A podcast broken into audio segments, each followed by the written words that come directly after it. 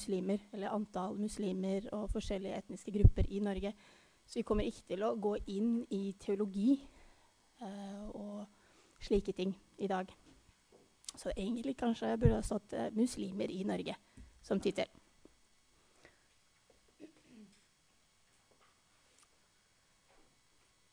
Det er jo noen um, professorer som jobber med islam. Uh, bortsett fra vår egen Oddbjørn Leirvik, som dere har på pensum. Uh, så har vi Kari Vogt. Hun har skrevet en del bøker som kan være interessante. Jan Oppsal har også gjort det. Og Anne Sofie Roald. Um, Anne Sofie Roald skiller seg ut fra de to andre professorene i og med at hun selv er muslim. Vi kommer til å møte henne litt uh, lenger ute i forelesningen. uh, Powerpointene legges ut, så ikke stress med å skrive ned alle disse navnene. Dette er mer som uh, hint til hva dere kan lese på egen hånd.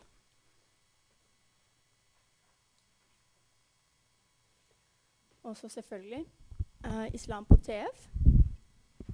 Hva er det vi driver med her?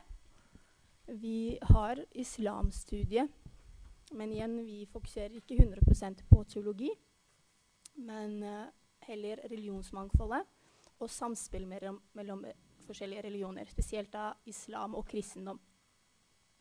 På bachelornivå, hvor de fleste av dere er, er det hvordan religion framtrer i en norsk kontekst. Og det er litt av det vi skal se på i dag. Og så kan dere ha noen masteremner hvor man går dypere inn i teologiske uh, temaer. Men som sagt, i dag så skal vi ikke gå såpass dypt. Vi skal uh, mest se på hvordan muslimer uh, framtrer i en norsk kontekst. Men i og med at vi har da islam i tittelen, uh, så må man jo spørre seg hvordan skal man oversette begrepet islam? Det er jo flere uh, tolkninger eller oversettelser. Uh, en av dem kan være underkastelse. En annen overgivning eller hengivelse. Og så er det store spørsmål. Hvilken forskjell har det om vi oversetter islam med underkastelse, eller om vi oversetter det med hengivelse? Det er ikke et spørsmål sånn åpent til dere, men det er noe dere må reflektere over. Hva har det å si hvis vi velger å oversette islam med underkastelse versus hengivelse?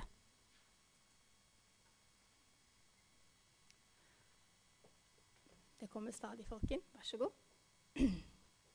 Jeg tar dette opp fordi uh, valget av uh, hvilken betydning islam har på norsk,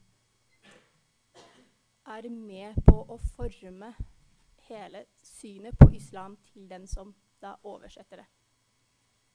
For det er forskjellige valører innenfor de forskjellige begrepene. Underkastelse klinger annerledes enn hengivelse.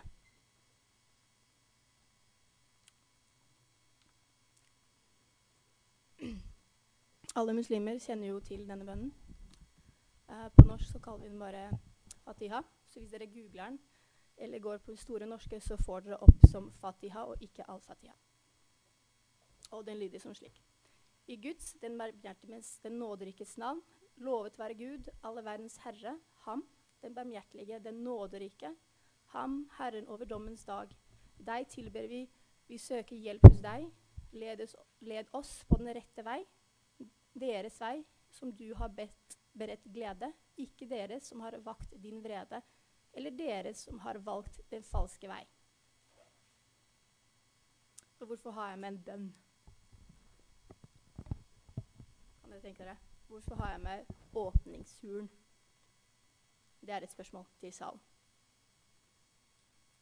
Har med åpningshuren til en forelesning som ikke handler om teologi, men om muslimer. Noen tanker? Ja. En gang til. Det her er på en måte hovedbønnen. Den resisteres ja, mellom 12 og 17 ganger per dag hvis man ber. Det er en bønn man åpner med. Ja. Kan være oppsummering, ja. Uh, ser dere den understrekningen?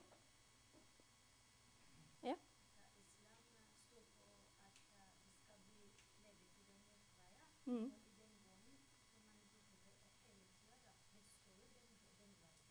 Den rette veien. Det er nettopp det.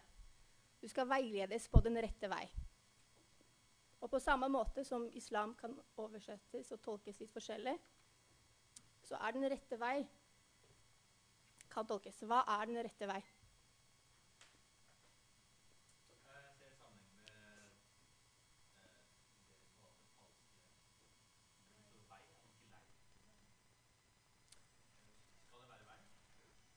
Eh, ja, det, det, men det lei er også brukes. Ja, det er bare en oversettelse.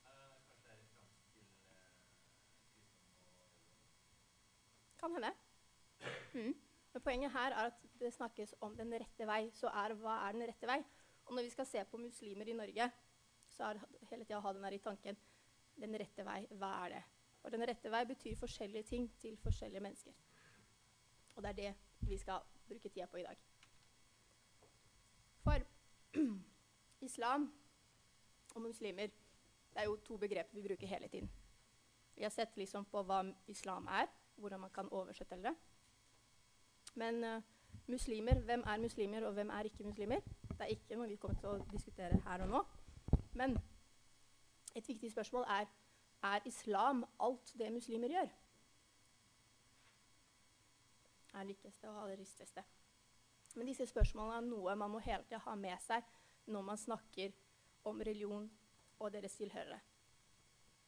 Hvis en som sier 'jeg er muslim', og det jeg gjør, er islam, er det like greit å bare sette to streker under og så ta det for gitt? Det personen gjør, er lik islam. I det siste så har det vært eh, en del for å si det mildt, ubehagelige hendelser og noen av retorikken i ettertid har vært de tilhører ikke den sanne islam. Eller det har ingenting med islam å gjøre. Ergo de føyer ikke, de følger ikke den rette vei som man skal gjøre. Men hvem er det som avgjør hva den rette vei er, og hva som ikke er den rette vei?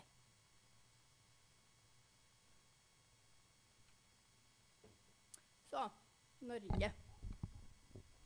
Vi startet uh, første forelesning om Norge som et pluralistisk demokrati, eller pluralistisk samfunn, hvor det er rom for alle.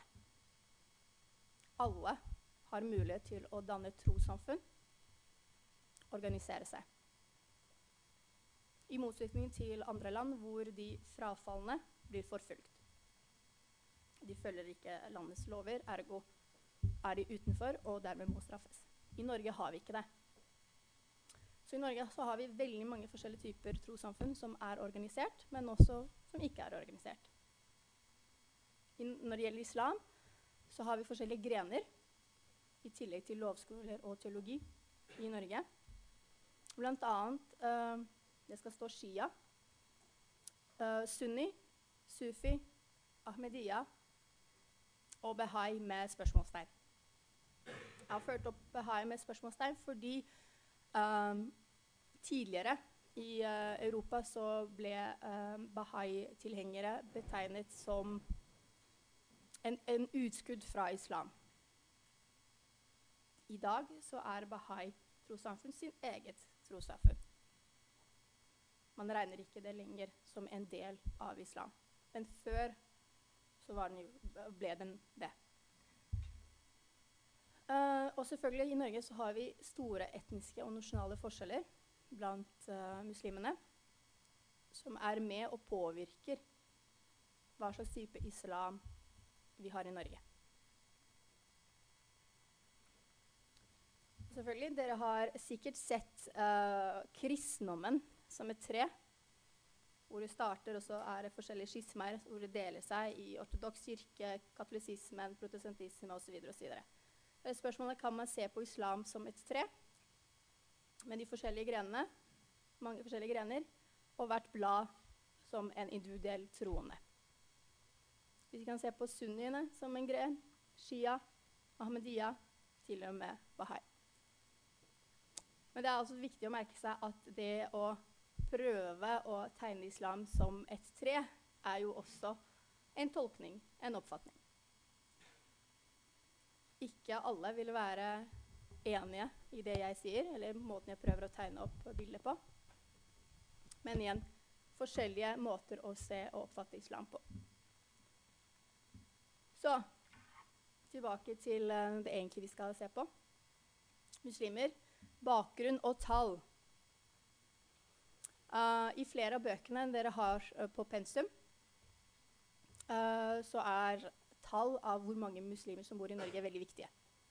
Men hvis dere går på Oddbjørn Lærvik sin nettside, som står der, så har dere delvis oppdaterte tall. Uh, det vi må huske på at disse tallene er over registrerte medlemmer.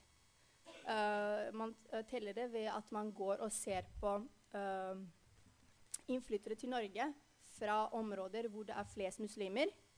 Og så sammenligner man det med tallene man har i disse trossamfunnene, ergo registrerte medlemmer. Og ut ifra det kommer man fram til et tall hvor mange muslimer som finnes i Norge. Så hvorfor har vi så mange forskjellige typer eller forskjellige grener av islam i Norge? Det er jo, som dere vet uh, Vi har jo hørt om det her på Gran, hvordan utviklingen gikk i Norge. Uh, grunnloven, hvem som ikke fikk lov til å komme inn i landet osv. osv til at på 70- og 80-tallet så fikk man enorm um, arbeidsinnvandring til Norge. Fra Pakistan, Tyrkia og Marokko. Og arbeidsinnvandringen førte så videre til familiegjenforening. Så i dag så har vi ca. 39 000 pakistanere, eller det er jo også norskpakistanere, eller nordmenn med pakistansk bakgrunn. Det er litt vanskelig uh, å beskrive, men uh, i disse da, oversiktene så står det 39 000 med bakgrunn fra Pakistan. Hvordan de selv betegner seg, står ikke noe nærmere beskrivelse. Men dere må tenke på det. Uh, sammen med Tyrkia, der er det 20 000, og Marokko 11 400. Så det er overkant flest pakistanere i Norge i dag av muslimsk innvandrerbakgrunn. Ikke generelt av andre innvandrere, men med muslimsk bakgrunn. 90-tallet, der fikk vi en annen type innvandring. Da er det flyktninger uh, fra Bosnia. Uh, og i dag er det 18 000 bosniere i Norge. Og Kosovo 15 200. Der er flestparten var flyktninger. Men uh, på 90-tallet fikk man også en del asylsøkere fra Iran som i dag utgjør 20 300, som er ganske mange. Uh, det som er litt uh, spesielt med akkurat denne gruppa her, Bosnia, Iran og Kosovo, det er også den gruppa som, eller, som skiller seg når det gjelder moskébesøk. pakistanere, tyrkere, Marokko og somaliere det er de som besøker moskeene oftest. Mens bosniere, iranere og kosovo-albanere er de som besøker moskeene færrest. Så er det spørsmålet hvorfor det. Har det med kulturell bakgrunn å gjøre, eller har det med sekuritet å gjøre? Eller anser de det som ikke nødvendig å være i moskeen for å kunne være en praktiserende muslim? Veldig fin mulighet for å skrive en oppgave på det her. Uh, I dag så har vi også store flyktningstrømmer, som dere vet veldig godt. Um, og det har vi hatt de siste årene. Uh, veldig mange kommer fra Irak, Afghanistan og Somalia. Men også selvfølgelig nå Syria. Det tallet er, på en måte, er ikke telt, men det blir nok en ganske stor del. Uh, alle disse uh, innvandrergruppene tilhører på en eller annen måte forskjellig gren av islam. Enten det være seg teologisk, etnisk eller kulturelt. Og det uh, gjør at uh, man danner forskjellige organisasjoner. Alle disse har sine egne moskeer. Det skal vi se litt nærmere på senere. Uh, I tillegg til innvandringsmuslimer så har vi en stor, eller en stadig voksende gruppe med konvertitter i Norge. Um, I juni uh, kom Kari Vogt med antallet 3000 etnisk norske konvertitter. Som er en ganske stor økning uh, fra 2006, hvor det var bare 1000 anslått. Morgenbladet hadde en sånn stor uh, oppslag på det her. med Linda Nord på forsiden. 'Norges nye muslimer'. Uh, absolutt verdt å lese den artikkelen her. Så er det spørsmålet hvorfor har vi så stor økning av konvertering til islam i Norge? Noen tanker rundt det? Agneta? Ekteskap, absolutt. Er en mulighet. Uh, det som kommer fram, uh, er noe som heter kameratkonvertering. Det var et nytt begrep for meg. Uh, men det er tydelig at Vær så god, kom inn. At det er veldig mange um, som blir påvirket av vennegjenger til å konvertere. Jeg har lagt ut noen linker som dere kan gå inn og se på. For i og med at dere, dere, dere fleste tar jo religion og samfunn, men også for lektorstudenter, det er viktig at dere følger med i religion i samfunnet.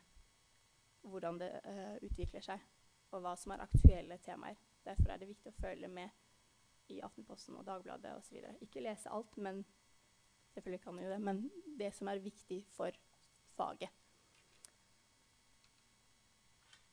Vi har allerede nevnt organisering. Så I Oslo er fleste moskeer sunni-muslimsk orientering. Og så er det syv shia-muslimske moskeer. Og de har irakiske, iranske, afghanske, libanesiske og pakistanske medlemmer.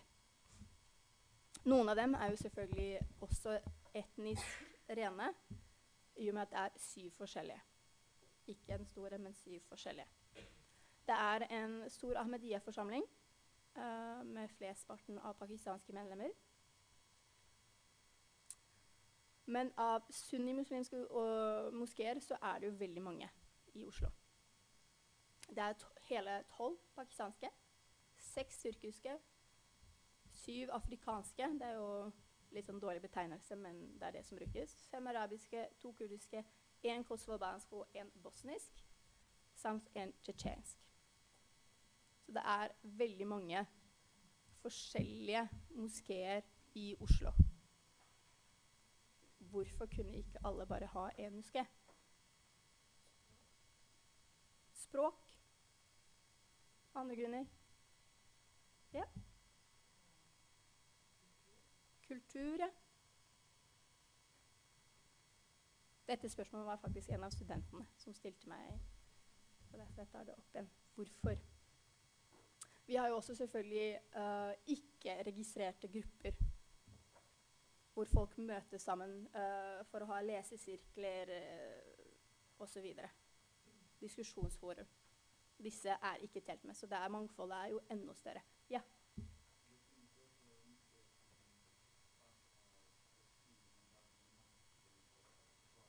Ja. Noen moskeer er blanda. Absolutt. Tilbake. Hvorfor så stort mangfold? De viktigste variablene som dere allerede har nevnt, er kulturell bakgrunn, etnisitet og språk. Og disse tre fører til at det er sterke bånd til hjemlandet når det gjelder tolkning. Uh, den bosniske moskeen har sterke bånd til Sarajevo. Så alt som skjer i Bosnia, har en innvirkning til hvordan moskeene drives her i Norge. Og så har vi da selvfølgelig forskjell når det gjelder uh, teologi, eller hvilken gren man tilhører. Så tendenser blant muslimer i Norge. Det er veldig mange forskjellige begreper man kan bruke. Uh, noen er liberale, andre er progressive. Noen er konservative, mens igjen er andre er tradisjonelle. Så har vi folkelig islam, normativ islam og ikke minst vekkelsesbevegelser. Det er veldig vanskelig å kunne sortere folk innenfor disse forskjellige boksene. For hver eneste av disse begrepene er en boks. Det er noen som på en måte kan være liberale på visse områder, mens konservative på andre. Men dette er begreper som stadig er i bruk om muslimer i Norge. Hvordan de brukes, og da tenker jeg spesielt mest på media, er ikke alltid like enkelt å forstå. Så når dere skal bruke disse begrepene i oppgaver, så er det veldig viktig at dere vet hvordan begrepet brukes. Hva legges inn i det. Ikke les en artikkel i Aftenposten og bare ta det for god fisk. Vær kritiske til alt dere leser. Uh, disse tendensene skal vi ta med oss nå videre uh, til da, de forskjellige muslimske stemmene vi har i Norge, som dere sikkert har hørt veldig mye om allerede, men vi bare gjentar det litt. Spørsmålet hvem representerer muslimene? Dere har sikkert hørt uh, at uh, media har kommet med overskrifter. Imamer tar ikke stor nok ansvar. Uh, Islamsk Råd Norge er ikke klare nok i sin uttalelse. Eller muslimer i Norge sånn og sånn. Alle muslimer slik og slik. Man snakker veldig ofte i bolker. Man snakker om muslimer som en homogen gruppe. Med enten imamer eller Islamsk Råd Norge som toppen, som hodet. Men spørsmålet er hva er hensikten? Å snakke om muslimer som en homogen gruppe. Er det mulig? Vi har nå sett på de forskjellige grenene i islam. De etniske forskjellene, de kulturelle forskjellene. Hvordan kan vi så snakke om muslimer som en homogen gruppe?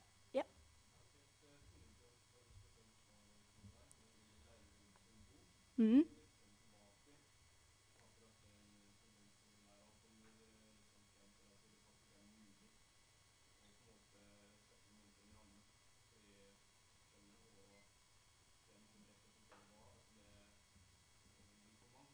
Mm. Det er den rosa boka. Den her. Ja. ja Hvem hva tenker du så mange?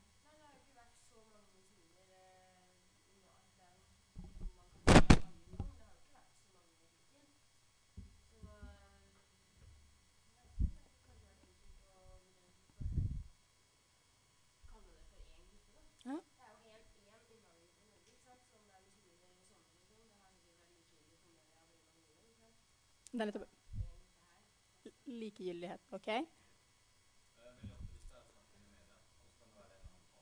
Mm.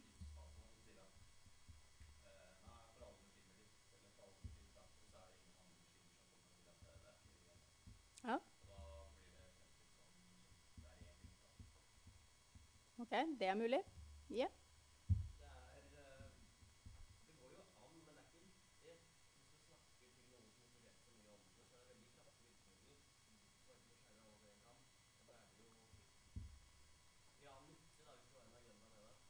Nettopp, det er nyttig hvis man har agenda med det.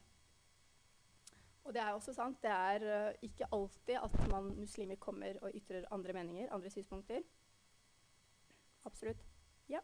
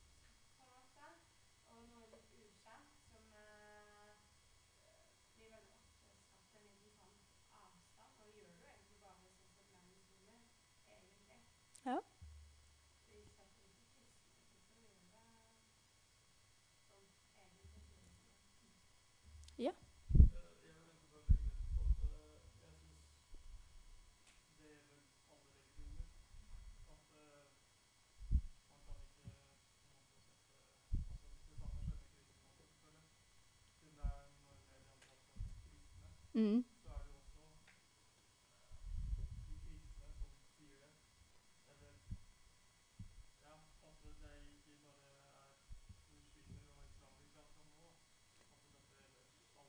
religioner generelt, kanskje, at man i samfunnet vi har i dag, er religioner, eller de troende, satt i bolker. Og der skal de være.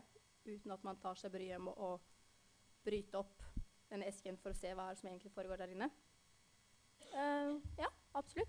Kan være mulig.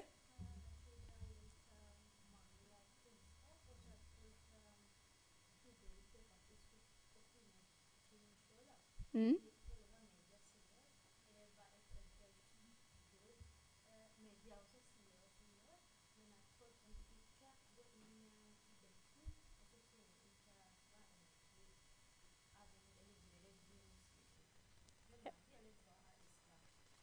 Absolutt. Det er, jo, det er, jo, krevende å sette seg inn i ting.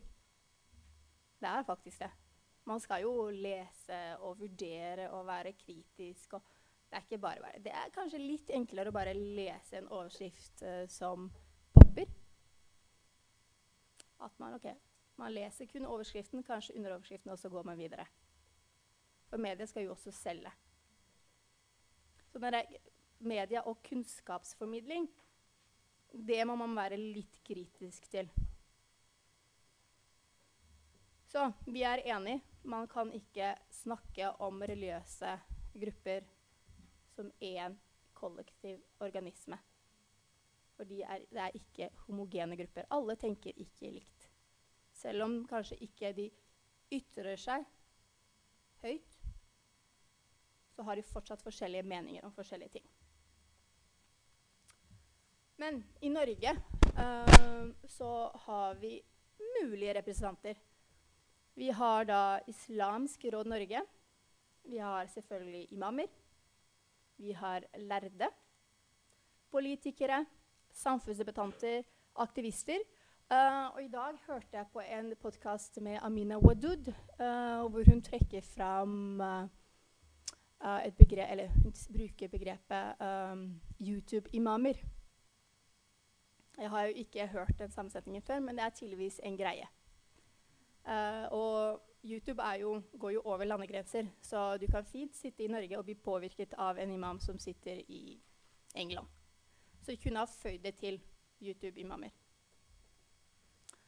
Uh, vi skal gå kort innenfor alle disse gruppene for å se på stemmene.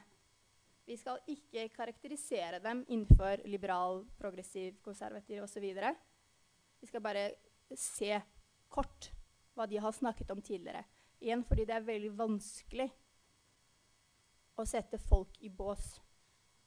Det, både er det vanskelig, så kan det være ganske urettferdig. For personen må selv også kanskje ville ønske å være i den båsen jeg plasserer dem inn.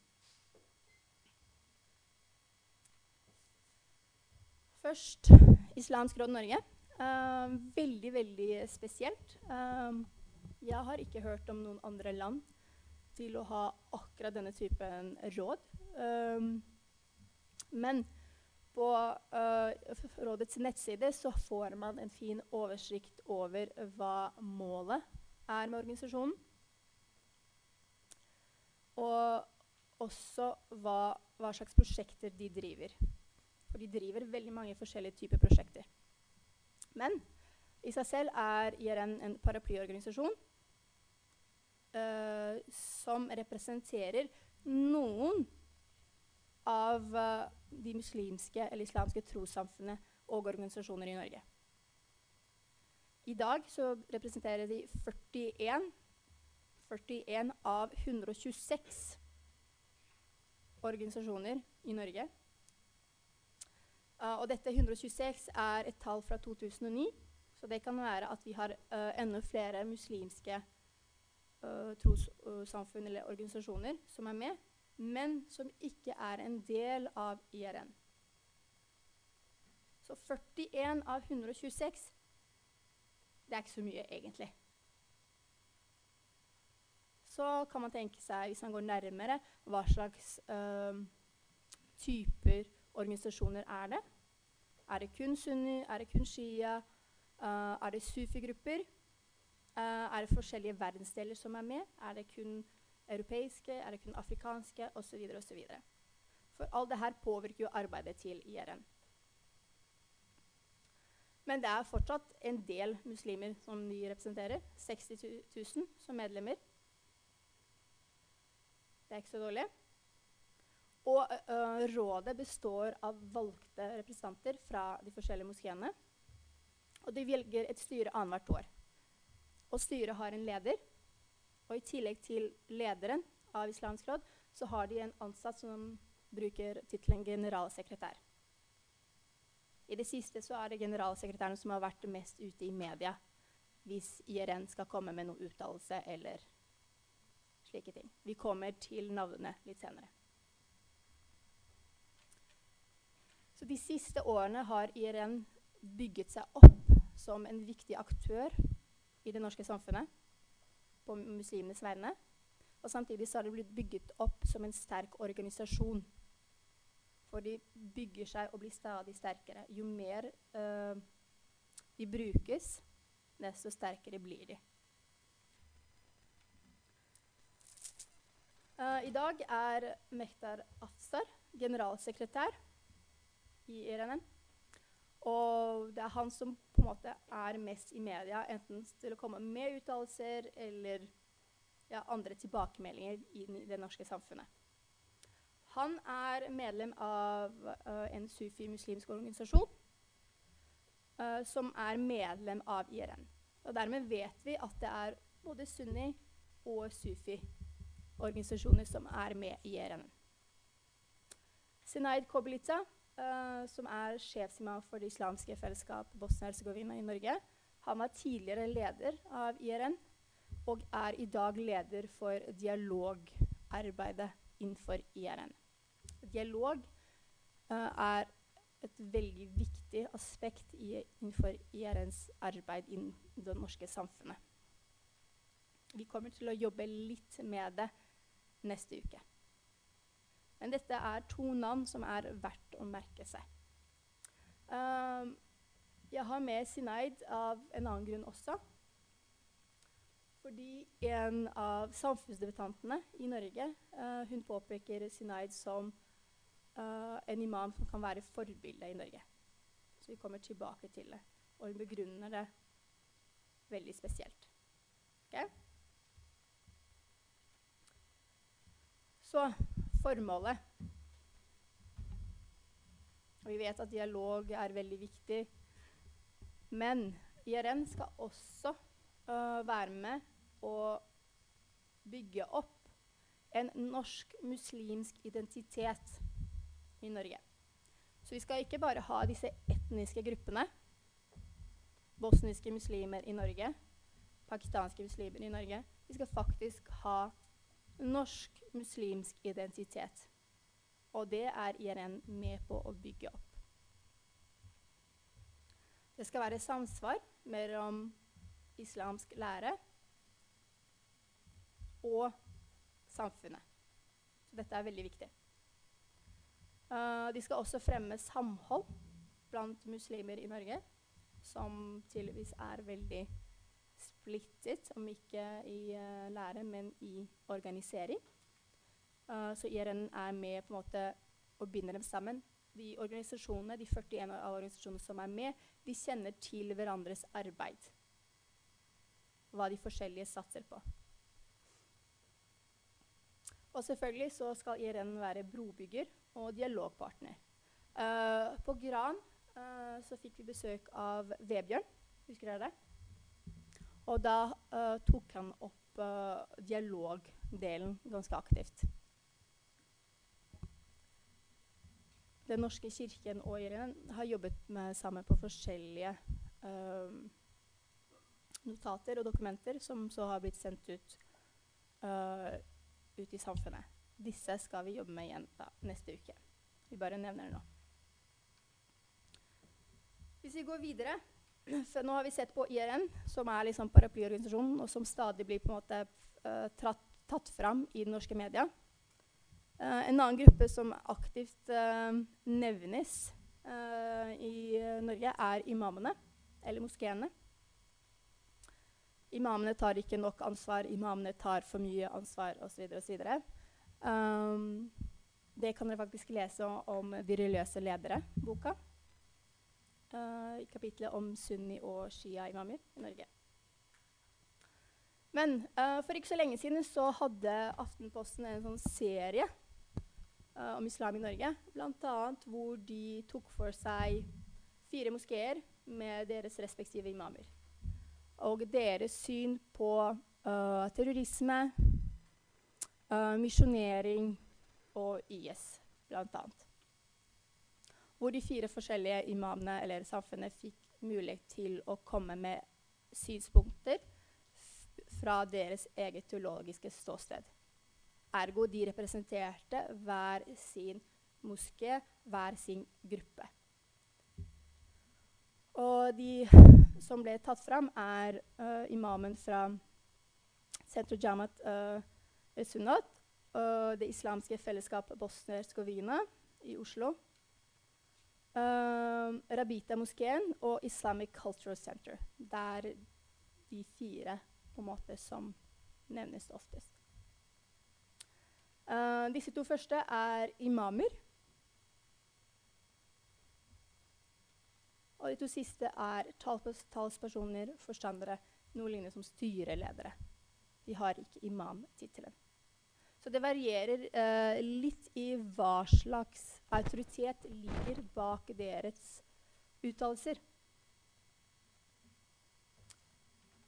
som imam um, Jeg kan jo selvfølgelig snakke best for det bosniske fellesskap. Så snakker Faruk øh, slik islam praktiseres i Bosnia for det meste, men med en tilpasning i den norske konteksten. Uh, forstandere og talspersoner de har ikke imamtittelen som gir den ekstra autoriteten. For det er en imamtittel er veldig viktig når det gjelder å komme med uttalelser når det gjelder hva riktig praksis er, og hva moskeene skal praktisere og ikke. Men disse to, spesielt Basim Modan, han er prominent i den norske media, og disse brukes stadig når islam eller muslimer skal representeres. De settes enten opp mot hverandre, de sammenlignes, eller så trekker man fram en av dem. Det er veldig enkelt å se hvis man på en måte bare googler deres navn. Så popper det opp veldig mange forskjellige artikler. Så disse fire kan eh, i medias øyne være representanter for islam. Fire forskjellige synspunkter kanskje på visse områder, på andre ikke. Det som var positivt, er at de faktisk tok fram fire forskjellige for å vise at det er et mangfold.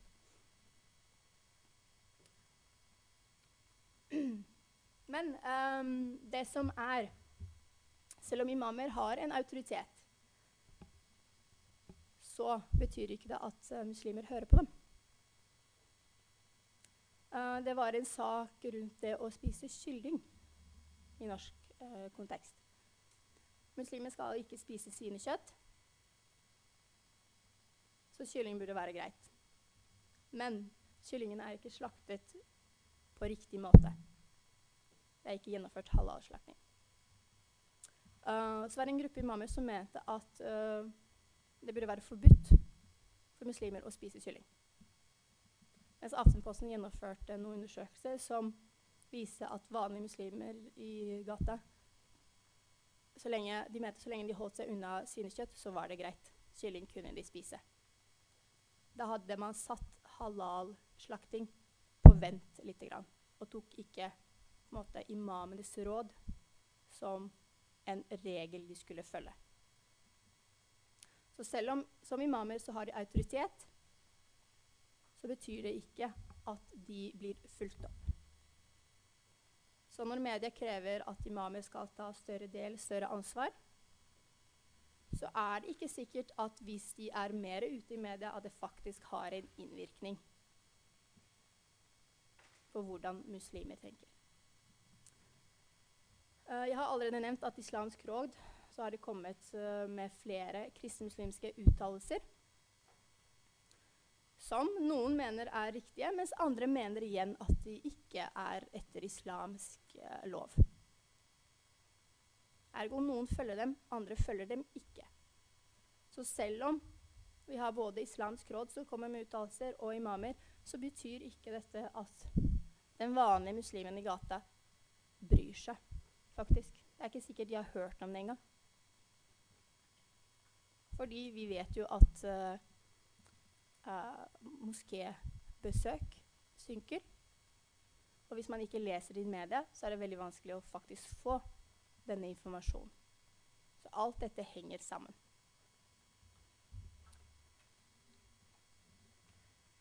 Politikere. Det har vært uh, veldig mye i media i det siste. Hva slags makt har muslimske politikere blant den vanlige muslimen på gata? Har de noe innvirkning? Har Abid Raja noe innvirkning? Har Hadia Tajik? Det, no, det er bare to av mange. Vi har også noe Frp-ere og noe SV osv. osv. Dette er de to mest prominente jeg har tatt fram. Har Hadia Tajik noe som helst innvirkning på muslimer i Norge? Hva tenker dere? Hun er sekulær, ergo nei. Er det det du vil frem til? Ja, OK. Jeg tror ikke hun ser på seg selv som sekulær, men OK. Andre? Har hun noe Ja? Kanskje som et forbilde. Ergo ikke som lærd, for det er hun jo ikke. Men som forbilde. Fullt mulig. Abid Raja, han er jo hipp og kul. Virkelig hipp og kul. Han er for Jeg vil si det helt. Ja, for han er jo med på 60 grader Norge og litt sånn forskjellig. Ja.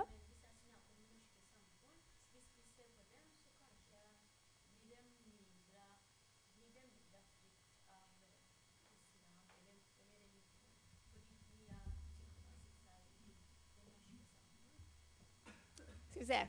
Uh, så de kan muligens ikke være forbilder som muslimer, men som norske samfunnsborgere. Ja, for men for nordmenn kan de være, for, kan de være bilde av en muslim for, for nordmenn? Absolutt. Hvorfor det? Nei, For meg er de gode forbilder på, om ikke islam, så er det på eh, multikulturalisme. Ja. Selv om de jo på en måte er veldig sekulære og, og, og norske. Men for meg så må det være en, en god del integrering inn i bildet når vi snakker om Mhm. Så de er veldig sekulære og veldig norske? OK. Agneta? Ja, men spørsmålet er jo om de er så innmari sekulære egentlig, da. De er ganske Abid Raja har jo sagt at hun er ganske tradisjonell hjemme. eh, sympatisaner, Og hun har jo også sagt at hun er eh, religiøs. Mhm. Hadia Tajik. Så det kan hende at eh, de fremstår som veldig sekulære fordi at de har en politisk jobb, og at de ikke konstant snakker om religionen sin i alle sammenhenger. Men det betyr jo ikke at de egentlig er så veldig sekulære, og det syns jeg er respektabelt. Bevare sin religion uten at det skal være Men ja, men Hadia Tajik hadde jo nylig en ganske grei uttalelse om hennes forhold til, eh, til Mhm. som jo er ganske Ja. eh, frisk. Mm. Ikke sant? Hvordan til og med hun sa noe sånt som at hvis, alle er uenige, så får hun og jeg ta en uh, prat sammen. Jeg skal forelese om det om to uker. ja. Uh, Det er jo i hvert fall ikke så veldig bokstavtro uh, måte å tolke Koranen på. da. Tajik er absolutt uh, anser seg selv som troende og praktiserende. Uh, Abid Raja uh, vet jeg ikke så veldig mye om hans forhold til religion, men det virker som at han tar det alvorlig ut ifra hvordan han engasjerer seg og hva slags uttalelser han gir. Uh, som du påpekte, så uh, snakket uh, Hadia om Allah, omtalte Allah som kvinne. Når hun svarte på spørsmål om har hun konvertert til kristendommen i og med at hun er gift med en ikke-muslim.